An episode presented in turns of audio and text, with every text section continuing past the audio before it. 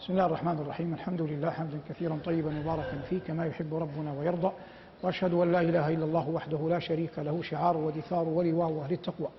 وأشهد أن سيدنا ونبينا محمدا عبده ورسوله صلى الله عليه وعلى آله وأصحابه وعلى سائر من اقتفى أثره واتبع هديه بإحسان إلى يوم الدين. أما بعد فنستأنف معكم دروسنا في هذا المسجد المبارك جامع الجامع السلمان بمحافظه الدرعية بمدينة الرياض. لقاء اليوم عنوانه هل أدلكم على أهل بيت يكفلونه لكم؟ وبينا أننا نتدارس الاستفهام في كلام رب العالمين جل جلاله. والآية جزء من آية من سورة القصص. قال الله عز وجل وقالت لأخته قصيه فبصرت به عن جنب وهم لا يشعرون وحرمنا عليه المراضع من قبل فقالت هل أدلكم على أهل بيت يكفلونه لكم؟ وهم له ناصحون فرددناه إلى أمه كي تقر عينها ولا تحزن ولتعلم أن وعد الله حق ولكن أكثرهم لا يعلمون. هذه مر معنا كثيرا منها فيما سلف ولذلك سنتدارس في غالب الظن ما لم يمضي معنا لأن التكرار مهما كان تمله الأنفس ولا يليق بأمثالنا. قال الله عز وجل وقالت لأخته قصيه من القائل؟ أم من؟ أم موسى. والأخت هنا أخت من؟ أخت موسى. أم موسى لم ترد في خبر موسى في القرآن رغم أن خبر موسى في القرآن ورد كثيرا إلا في طفولته. لكن القرآن لا يذكر شيئا عن أم موسى بعد أن نبئ موسى وبعث وأرسل. كذلك أخت موسى ذكرت في طفولته ولم تذكر بعد ذلك. وأما أبوه فلم يذكر البتة في خبر موسى كله. في حين أننا نرى أن القرآن عندما يتحدث عن نبي الله يوسف يأتي بخبر من؟ بخبر أبيه. ولا يذكر خبر أمه اللهم إلا في قوله جل وعلا ورفع أبويه على العرش بينا في دروسنا الخلاف في المراد بقوله أبويه هل هي خالته أم أم أمه؟ ظاهر الآن. هذا مهم جدا في تأصيل القضية. وقع هذا الأمر من أم موسى بعد أن ألقت ابنها في التابوت. والتابوت ما هو؟ صندوق. والتابوت لم يرد ذكره في القرآن إلا مرتين كلاهما في خبر موسى إما قبل وإما بعد. فأما قبل فإن الله قال أن اقذفيه في التابوت أي أنها وضعت موسى عليه السلام في التابوت أي في صندوق وورد ذكره في سورة البقرة وقال لهم نبيهم إن آية ملكه أن يأتيكم التابوت فيه سكينة من ربكم وبقية مما ترك آل موسى وآل هارون تحمله الملائكة فهذا التابوت له كذلك علاقة بماذا؟ بخبر موسى عليه الصلاة والسلام. فقال الله عز وجل يأتيكم التابوت فيه سكينة من ربكم وبقية مما ترك آل موسى وآل هارون تحمله الملائكة. نأتي الآن للأم والأخت قبل أن نأتي على هذه القضية لأن القضية سنتدرسها سنتدرسها إن شاء الله تعالى في حلقتين متتابعتين. نأتي للأم. قطعا المراد به هنا أمه التي ولدته.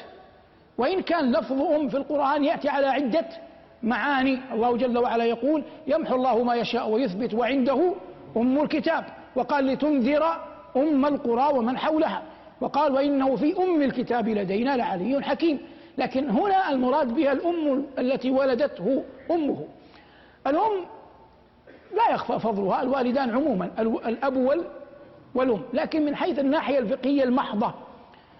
اتفق العلماء على عظيم حق الوالدين. ولا بد أن يتفقوا. لماذا؟ قرآن. ووصينا الإنسان بوالديه. وقضى ربك ألا تعبدوا إلا إياه وبالوالدين لكنهم اختلفوا في أيهما أعظم حقا بالبر. أيهما أعظم حقا بالبر. جماهير أهل العلم من السلف والخلف على أن الأمة أولى وأعظم حقا في البر. جماهير أهل العلم من السلف والخلف على أن الأمة أعظم حقا وأولى قالوا هذا ظاهر القرآن وظاهر السنة. الأحناف يفرقون وتفريقهم حسن. يقولون الأم أولى في حق البر والصلة والخدمة والإنعام. الأم أعظم في ماذا؟ البر والصلة والخدمة والأنعام. والإنعام. والوالد الأب أولى وأحق في التعظيم والاحترام. والأب أولى وأحق برا في التعظيم والاحترام. ويضربون لهذا مثلا يقولون مثلا لو أن أبويك أمك وأبوك دخلا عليك فلم تقم لأمك يعني أنت في مجلسك في غرفتك فدخلت الوالدة وأنت جالس ولم تقم فقالوا لا تثريب عليك لكنه لو دخل الوالد ثم قمت تعظيما واحتراما له بكونه والدك فإنك لا تأثم لأنك قمت له ولم تقم لأمك. قالوا مقام التعظيم والاحترام حق الأب فيه أعظم من حق من حق الأم. ظاهر؟ ظاهر. حتى يبينوا المسألة بجلاء قالوا لو لو قدرنا أن أمك وأباك سألاك شيئا سألاك مالا سألاك طعاما فإنك تقدم في العطية أمك على على أبيك لأن المقام مقام خدمة مقام إنعام مقام بر مقام صلة. ظاهر هذا. وقد قلت إن تقسيم الحنفية لهذه المسألة حسن. وبينا قول الجمهور ينسب للإمام مالك رحمه الله وقل ينسب لأنه لا يوجد صريح فتوى عنه. ينسب له أنه يرى أنهما سواء. والذين قالوا إن مالك رحمه الله يرى أنهما سواء احتجوا بأن رجلا جاءه قال إن أبي في السودان. وسألني أن آتيه ولكن أمي منعتني فقالوا إن الإمام مالك رحمه الله أفتاه بأنه قال له أطع أباك ولا تعصي أمك. ولا لا أدري كيف سيفعل بها الرجل. قال له أطع أباك ولا تعصي أمك. أحيانا المستفتي المستفتى الشيخ العالم هو يهم يهمه نفسه يريد أن يبرئ نفسه. وأنت عليك أن تفقه بما شئت. وأنا لا أحب هذا النوع من الفتوى. لكن مالكا مالك إمام دار الهجرة إمام دار علمه مقامه جلاله معروف. لكن نتكلم إن صحت هذه الرواية عنه. فقال ابن بطال إن هذا يفهم منه أن الإمام رحمه الله يرى المساواة. لكن تعقبه بعض العلماء كالحافظ ابن حجر وغيره على أنه لا يفهم من, من كلام مالك المساواة يعني لا يلزم. وأنا الحق لم أفهم شيئا من قول مالك أطع أباك ولا تعصي. ولا تعصي أمك. المراد الكلام الحديث الفقهي عن مسألة الأم, الأم والأب. نأتي للأخت. الأخت لها مكانة في النفس عظيمة. جاء الشرع بها جاء العرف بها. النبي عليه الصلاة والسلام كان معه عمه حمزة في أحد ثم قتل حمزة ومثل به. فقال عليه الصلاة والسلام وهذا يبين فضل الأخت. قال لولا أن تجزع صفية لتركته حتى يحشره الله من بطون الطير والسباع لولا أن تجزع صفية من صفية؟ أخت من؟ أخت حمزة. فرأى النبي عليه الصلاة والسلام مشاعر صفية أخت حمزة بن عبد المطلب رضي الله عنه وأرضاه. وجعل هذا سببا في أنه لو لم خوفه أن تجزع صفية لترك حمزة يحشر من سباع الطير وبطون الطير والسباع. ما معنى يحشر من سباع الطير والطير والسباع؟ العرب قديما في حروبهم يتركون الميت المقتول في المعركة يترك هذا قبل الإسلام.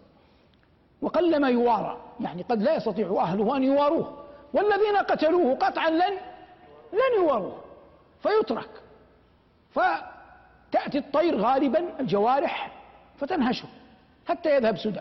يقول النابغ الجعدي يقول النابغ الذبياني إذا ما غزوا بالجيش حلق فوقهم عصائب طير تهتدي بعصائب ولا عيب فيهم غير أن سيوفهم بهن فلول من قراع.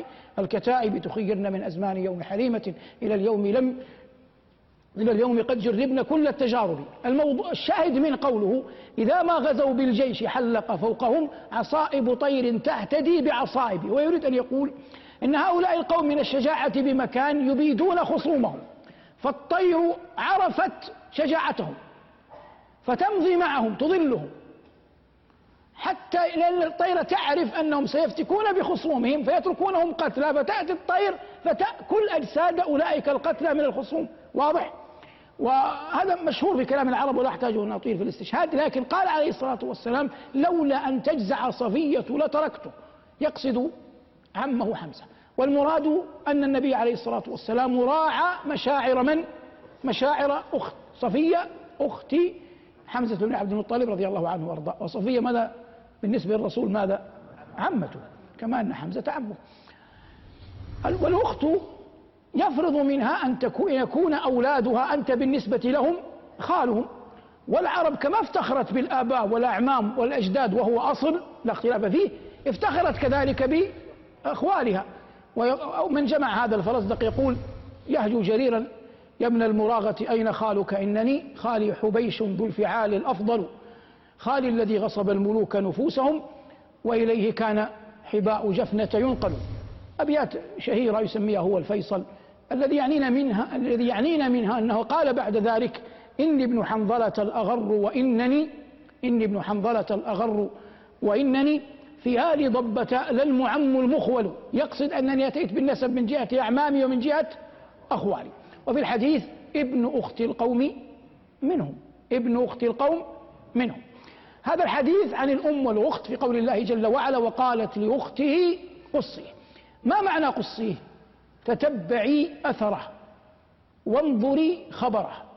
وقد كان عليه السلام هو رضيع قد وضع عين في التابوت وهي وأخته تراقب الأمر حتى علمت أنه انتهى به المطاف إلى قصر فرعون. الفطنة أمر محمود. ولا يظنن أحد أن الإيمان الإسلام التقوى تمنع من الفطرة. وهذه الفتاة استطاعت أنها تصل إلى قصر فرعون وتعرف خبر أخيها بمعنى أن أمها أمرتها قصيه. فقامت بهذا الأمر خير قيام. فقال الله عز وجل وقالت لأخته قصيه فبصرت به عن جنب وهم لا يشعرون. هم هذه تعود على من؟ على آل فرعون. وهم لا يشعرون لا يشعرون بماذا؟ لا يشعرون أنها أخته لأنهم لو شعروا أنها أخته لما قبلوا منها شيئا. وهذا يدل على فطنتها وصلت إلى القصر وعرفت خبر أخيها وإلى ماذا انتهى أمره وكل ذلك دون أن يلحظ أحد أن ثمة قرابة بينها وبينه. قال الله بعدها وحرمنا عليه أي على من؟ على موسى. وحرمنا عليه المراضع من قبل. فقالت أي من؟ أخته. هل أدلكم هذا الاستفهام. هل أدلكم على أهل بيت يكفلونه لكم؟ هي الآن لا تريد أن تكشف الغطاء ولم تقل أدلكم على امرأة أو على والدة. قالت أهل بيت. كأن أهل هذا البيت فيما يفهم السامع لأول مرة أنهم لديهم دراية وشأن برضاع الأطفال. هل أدلكم على أهل بيت يكفلونه لكم؟ والكفالة في اللغة الضم يعني يضمونه إليهم. وقد كان من شأن الحرائر عبر المجتمعات كلها أنهم إذا أخذوا يرضعون لا يقبلون أن يذهبوا إلى بيت الرضيع وإنما يؤتى بالرضيع إليهم. أين الدليل من السيرة؟ النبي عليه الصلاة والسلام.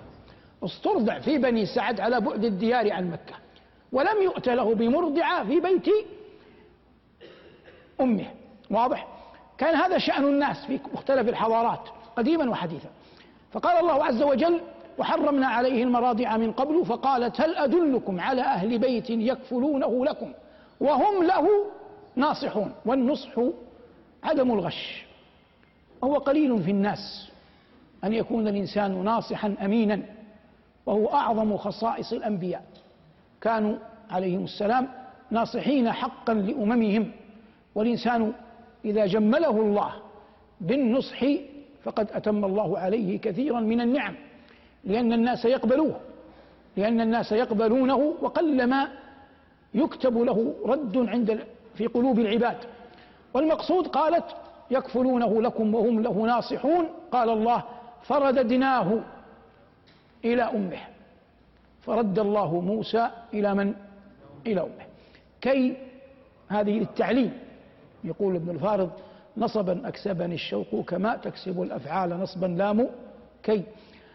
قال ربنا كي تقر عينها ولا تحزن. وإن كان هذين تابعين لأمر عظيم. تابعين لماذا؟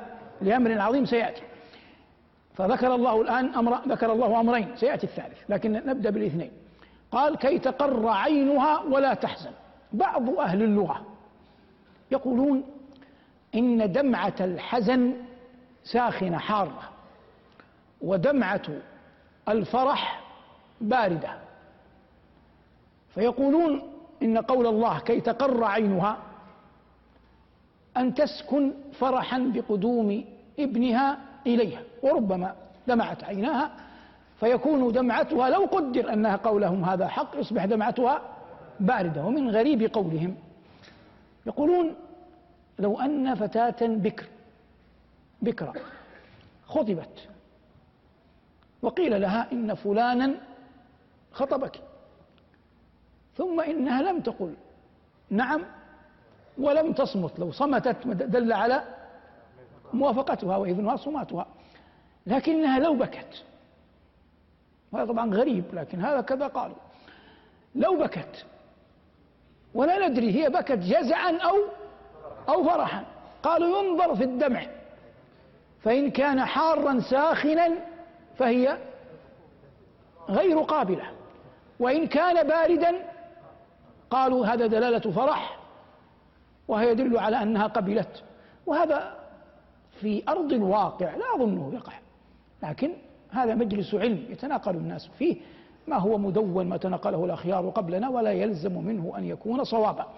فقال الله عز وجل كي تقر عينها بعودة مولودها ولا تحزن. وإن كان الله عز وجل كتب على بني آدم في الدنيا الحزن بل قال بعض العلماء إن من لم يحزن في الدنيا لا يدخل الجنة. قالوا له أين الدليل؟ قالوا إن الله قال إن الله يقول عن أهل الجنة جعلنا الله وإياكم منهم وقالوا الحمد لله الذي أذهب عنا الحزن إن ربنا لغفور شكور. فقالوا إن هذا من دلائل أن الإنسان لا بد أن يصيبه حزن والحق أن الأبرار والفجار والمؤمنين والكفار كلهم يحزنون. لكن الشأن كله في قضية الرضا بماذا؟ بالقدر الرضا بالقدر. ثم نأتي للأمر الأصل. قال كي تقر عينها ولا تحزن ولتعلم أن وعد الله حق. الآن هذه ولتعلم أن وعد الله حق. تحتمل من حيث الصناعة التفسيرية يعني إذا أردت أن تستنبط من القرآن تحتمل أمرين. كم؟ أمرين. إما أن تكون مجرد زيادة في الخير لما سبق. زيادة في الخير لما لما سبق. وإما أن تكون شيء من العتب على أم موسى لأن الله وعدها أن يرد ابنها إليها ومع ذلك قالت لأخته قصيه واضح؟ فمن يقول بأن الأصل الأخذ بالأسباب أصل لا يقول أنه عتب. ومن يقول أن الأخذ بالأسباب ليس بأصل يقول بال بالعتب. والحق أن الآية تحتمل لكننا نقول إنه وإن كانت الآية تحتمله لكنه ليس هو المقصود الأغر الأول من هذا المعنى وإنما معنى قول الله ولتعلم أن وعد الله حق هو قوام الأمر كله. سنبينه إن شاء الله تعالى في اللقاء القادم. هذا ما تيسر إراده وتهيأ إعداده وعان الله على قوله وصلى الله على محمد وآله والحمد لله رب العالمين. الحمد لله حمدا كثيرا طيبا مباركا فيه كما يحب ربنا ويرضى وأشهد أن لا إله إلا الله وحده لا شريك له. أراد ما العباد فاعلوه ولو عصمهم لما خالفوه ولو شاء أن يطيعوه جميعا لاطاعوه وأشهد أن سيدنا ونبينا محمدا عبده ورسوله صلى الله عليه وعلى آله وأصحابه وعلى سائر من اقتفى أثره واتبع هديه بإحسان إلى يوم الدين. أما بعد هذا الجزء الثاني من اللقاء الذي سبق وقد كنا قد حررنا أن اللقاء عنوانه هل أدلكم على أهل بيت؟ يكفلونه لكم في خبر نبي الله موسى بن عمران عليه السلام. وقلنا إن انتهينا إلى قول الله عز وجل فرددناه إلى أمه كي تقر عينها ولا تحزن ولتعلم أن وعد الله حق ولكن أكثرهم لا يعلمون. وقلنا إن الغاية من أمر كله أن قول الله عز وجل إن وعد الله حق. ينبغي أن يبني المؤمن عليه حياته. ينبغي أن يعلم أولا أن أركان النوافل قوامها أصلها ثلاثة صلاة الليل والصدقة والصيام. وقد جاءت مفصلة في حديث معاذ ألا أدلك على أبواب الخير؟ الصوم جنة والصدقة تطفئ الخطيئة وصلاة الرجل في جوف الليل الآخر. لكن حتى تتأتى هذه لا بد أن يكون القلب على يقين بأن وعد رب العالمين حق. والله عز وجل قال في خطاب الصالحين لمن يدعونهم ويلك آمن إن وعد الله حق. فالذي يجعل المؤمن يقدر على الصيام إيمانه بأن وعد الله حق وأنه يدخل من باب الريان. وأن الذي يدفع المؤمن إلى أن يتصدق وهو يخشى الفقر ويرجو الغنى إيمانه أن وعد الله حق. والذي يدعو المؤمن إلى أن يترك فراشه الوثير وزوجته ثم يقوم ليصلي بين يدي الله إيمانه أن وعد الله حق وأن هذا يهون عليه الموقف يوم يوم القيامة. وينبغي أن تعلم الأمة كما يعلم الأفراد ينبغي أن تعلم الأمة كما يعلم الأفراد أن وعد الله حق. وأن النبي عليه الصلاة والسلام قال أن الأرض زويت له وأن ملك أمته عليه الصلاة والسلام سيبلغ ما زوي له منها وأن ما يرى ويشاهد اليوم من احتراب بين كثير من الفرق والدول التي تنتمي إلى الإسلام أرجو الله عز وجل أن يكون ذلك توطئة لشأن أعظم ولاجتماع أكبر ولألفة قائمة بين المسلمين جميعا. فلا يفرح بين الاقتتال بين المسلمين أحد لكن الناس يوجد طوائف توجد دول تبلغ من الشر مبلغا ومن الاستطالة شأوا عظيما والعربي يقول فقسى ليزدجروا ومن يك حازما فليقسو أحيانا على من يرحمه المراد قضية إن وعد الله حق ثم قال الله ولكن أكثرهم لا يعلمون نأتي الآن لما يمكن أن يستفاد من هذا الخبر القرآني كله. أوله وأعظمه أن أمر الله غالب. الله يقول والله غالب على أمره. فما صنعه فرعون. ليدفع أذى موسى لا يكاد يصدق. ومع ذلك نشأ فرعون في قصره. وأكل من طعامه وشرابه. والله لا يقدر على هذا إلا إلا الله. الأمر الثاني وهذا أيها المبارك والله ثم والله من نفيس العلم. ينفعك إن وعيته.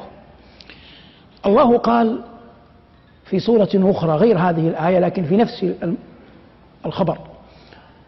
لما موسى نبئ قال رب اشرح لي صدري ويسر لي أمري واحلل عقدة من لساني يفقه قولي واجعل لي وزيرا من أهلي هارون أخي أشد به أزري وأشركه في أمري كي نسبحك كثيرا ونذكرك كثيرا إنك كنت بنا بصيرا. ماذا قال الله له؟ قال قد أوتيت سؤلك يا موسى. المعنى أن موسى سأل الله أشياء وأعطاه الله إياها. ظاهر؟ قال الله بعدها ولقد مننا عليك مرة أخرى. إذ أوحينا إلى أمك ما يوحى أن اقذفيه في التابوت فليلقيه اليم بالساحل فليأخذ إلى أن ربي هذه الأولى التي سماها الله مرة أخرى لكن باعتبار ما قد كان. هل موسى سألها ربه؟ أجيبه. موسى كان رضيعا. لم يسأل الله أن يحفظه وهو بالتابوت ولم يسأل الله أن يرعاه وهو في قصر فرعون ولم يسأل الله أن يحرم الله عليه المراضع حتى يعود إلى إلى أمه. ظاهر هذا؟ فالله عز وجل أعطاه شيئا لم يسأله فمن باب أولى أن يعطيه شيئا قد قد سأله. إن من أنعم سابقا قادر على أن ينعم لاحقا.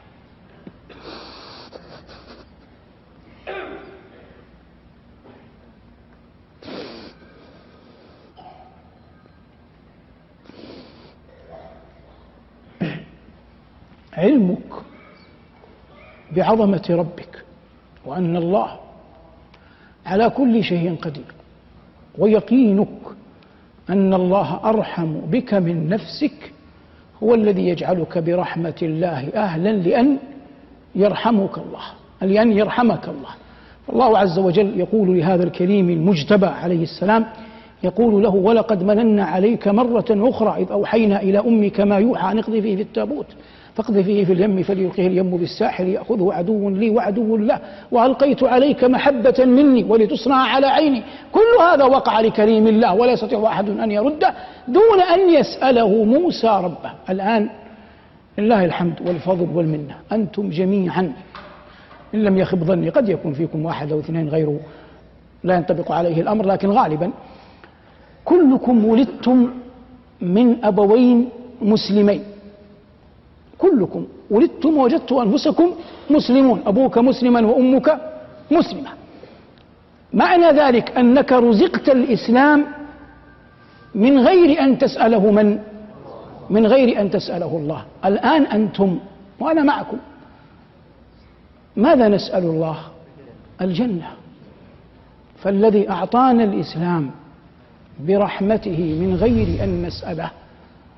لرحيم بنا قادر على أن يدخلنا الجنة ونحن نسأله. على مثل هذا نتكئ. على مثل هذا من رحمة الله نعتمد. على مثل هذا مما علمنا الله في كتابه العظيم نسير. فينشر الإنسان في الناس حسن الظن بالله العلي الكبير. الله عز وجل لا يقرب أحدا ليبعده. ولا يوفق أحدا لطاعة ليعذبه.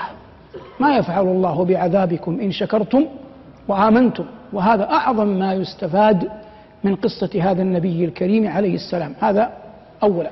ثانيا وجود الصالحين في مواطن تسلط المفسدين يقلل من غلوائهم. يقلل من من غلوائهم. فإن فرعون لم يقع في قلبه محبة موسى البتة. لكن وجود المرأة الصالحة امرأته جعلت ذلك سب جعله الله سببا في بقاء موسى في قصر في قصر فرعون. فالمسلم إذا صلحت نيته وصدقت سريرته حتى لو وجد في مجتمع يغلب عليه الفساد لكن هو أعلم بقلبه مع ربه فإن غلب على ظنه أنه ما أبقاه في هذا الموطن إلا أن يقلل من الفساد وأن يعين على الصلاح فإن الله عز وجل سيعينه وسيقول عنه السفهاء من الناس ما يقولون لكن لا يمكن أن يترك هدي القرآن خوفا من الافتنان بألسنة الناس. ظاهر؟ الأمر الثالث في خبر هذا النبي الكريم وما يؤخذ من القصة كلها كما مر معنا فطنة أخت موسى. والإنسان إذا رزق الفطنة لا يلزم أن تجاهر بها. ومعنى أن لا يلزم أن تجاهر بها بمعنى أنك أنت تخاطب من يخاطبك؟ بالطريقة التي خاطبك بها. بمعنى أنه ليس لزاما عليك أن تفصح ولكن انظر إلى الطريقة التي اتبعها معك فعامله بها. وقد مما يستملح يعني يقبل وإن كان في صفة غير حميدة في البخل يقولون إن أبا الأسود الدولي هذا عالم نحوي شهير من التابعين لكنه عياذا بالله كان معدودا في البخلاء على شرفه. لكنه معدود في البخلاء. فقالوا كان عنده طعام بين يديه طعام. ومن بخله رغم شرفه وسؤدده وعلمه. لكن الله يجعل في في العبد صفات خير وصفات شر. فجاءه أعرابي. والأعرابي ينظر إلى الطعام فرآه حسنا. فتعلقت نفس الأعرابي بالطعام. أنا الآن أريد أن أصل إلى الفطنة. يعني خذ الشاهد. وأبو الأسود الدولي يعلم أن هذا الأعرابي تعلقت نفسه بالطعام وأنه سيتبع طرقا حتى يأكل وهو قد عزم على أن لا يدعوه. فالأعرابي يريد أن يقول قولا يستلزم المؤاكلة. ما معنى يستلزم المؤاكلة؟ يعني يريد أن يقول أخبارا تطلب تجعل أبا الأسود الدولي يطلب منه أن يجلس معه حتى يؤكله ويسمع منه. فقال له يا أبا الأسود إنني قد مررت على أهلك. قال هم في طريقك. المعنى أنك ما تكلفت هم بالطريق. قال فوجدت امرأتك حبلى. قال كذلك تركتها. قال إنها وضعت. قال لا بد أن تضع. قال قد وضعت توأم ذكرين. قال كذلك كانت أمها. يعني ليس شيئا غريبا. قال كذلك كانت أمها. قال فمات أحدهما. قال ما كانت تقدر على أن ترضع الاثنين؟ قال فإن الآخر مات. قال حزنا على أخيه. قال قد ماتت أمهما. قال ما كانت لتعيش بعد فقد ولديها. قال إن طعامك لذيذ. قال لذلك أكلته وحدي. المقصود من هذا من هذا كله بيان مسألة أن الإنسان أحيانا يضطر إلى أن يعامل الناس بالعقلية التي يعاملونه بها. هذا لا يقدح في مروءتك لا يقدح في حيائك. لكن أنت لا تكن خبا تخدع الناس. لكن لا تقبل من أحد أن أن يخدعك ومن ظن أن العلم والتقوى والضعف من باب قرينان فقد وهم. فقد كان عمر آية في الورع آية في التقوى آية في العدل آية في الحكم رضي الله عنه وأرضاه. ومع ذلك لم يكن فيه شيء من من الضعف رضي الله عنه وأرضاه. نحن نعلم أنه أين قامة الناس اليوم من قامة عمر؟ لكن من خلق عمر يخلق غيره ولو قريبا ولو قريبا منه. والمراد في قضية أن أخت موسى فطنت لهذا الأمر كما قال الله عز وجل فبصرت به عن جنب وهم لا يشعرون. وحرمنا عليه المراضع من قبل فقالت هل أدلكم على أهل بيت يكفلونه لكم وهم له ناصحون؟ فرددناه إلى أمه كي تقر عينها ولا تحزن ولتعلم أن وعد الله حق ولكن أكثرهم لا يعلمون. هنا قال في القرآن ولكن أكثرهم يتحدث عن شيء مخصوص لأن رضاعة موسى في قصر فرعون ليس شيئا عاما. فجعل الله عز وجل كلمة أكثر مرتبطة بالضمير على آل من؟ على آل فرعون.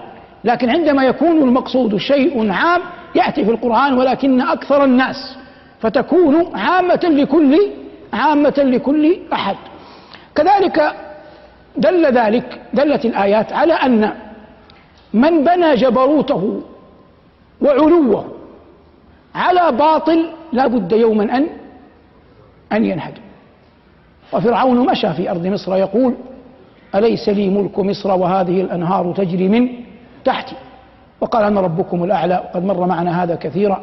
لكن ذلك العلو ذلك الكبر الذي تلبس به فرعون لما كان مبنيا على غير حق هدمه الله عز وجل في طرفة عين. وأذهبه كله و والله غالب على أمره لكنه لكن في ذلك إخبار بسنن الله عز وجل في خلقه. والله يقول أفمن أسس بنيانه على تقوى من الله؟ كمن أسس بنيانه على شفا جرف هار فالعار به في نار جهنم؟ والله لا يهدي القوم الظالمين. كل من يريد أن يبني لنفسه شيئا من المجد فليبنه على تقوى من الله لا على ظلم من العباد. فإن البناء أيا كان على ظلم العباد لا بد يوم من الدهر أن يتهاوى لا بد يوم من الدهر أن يسقط لا بد يوم من الدهر أن يتوارى ويعود الأمر إلى ما كان عليه. هذه سنن لا تتبدل وطرائق لا تتغير وصبغة من الله العلي الكبير. لا يمكن لأحد أن يغير مجراها ولا أن يحيد بها عن عن مسارها. تبقى في خاتمة الأمر في قول الله عز وجل فرددناه. جاءت هذا الفعل في القرآن في خبر نبينا صلى الله عليه وسلم. الله قال إن الذي فرض عليك القرآن لرادك إلى معاد.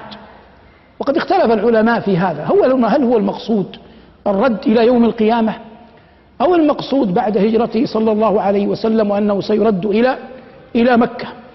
وهذا أقرب لأنه وقع.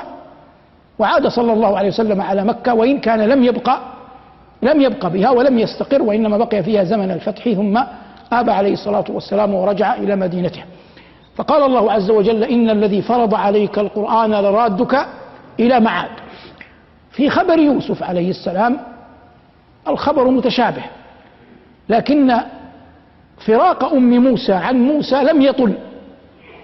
في حين أن فراق يعقوب ليوسف طال حتى قال بعض أهل العلم بلغ أربعين سنة.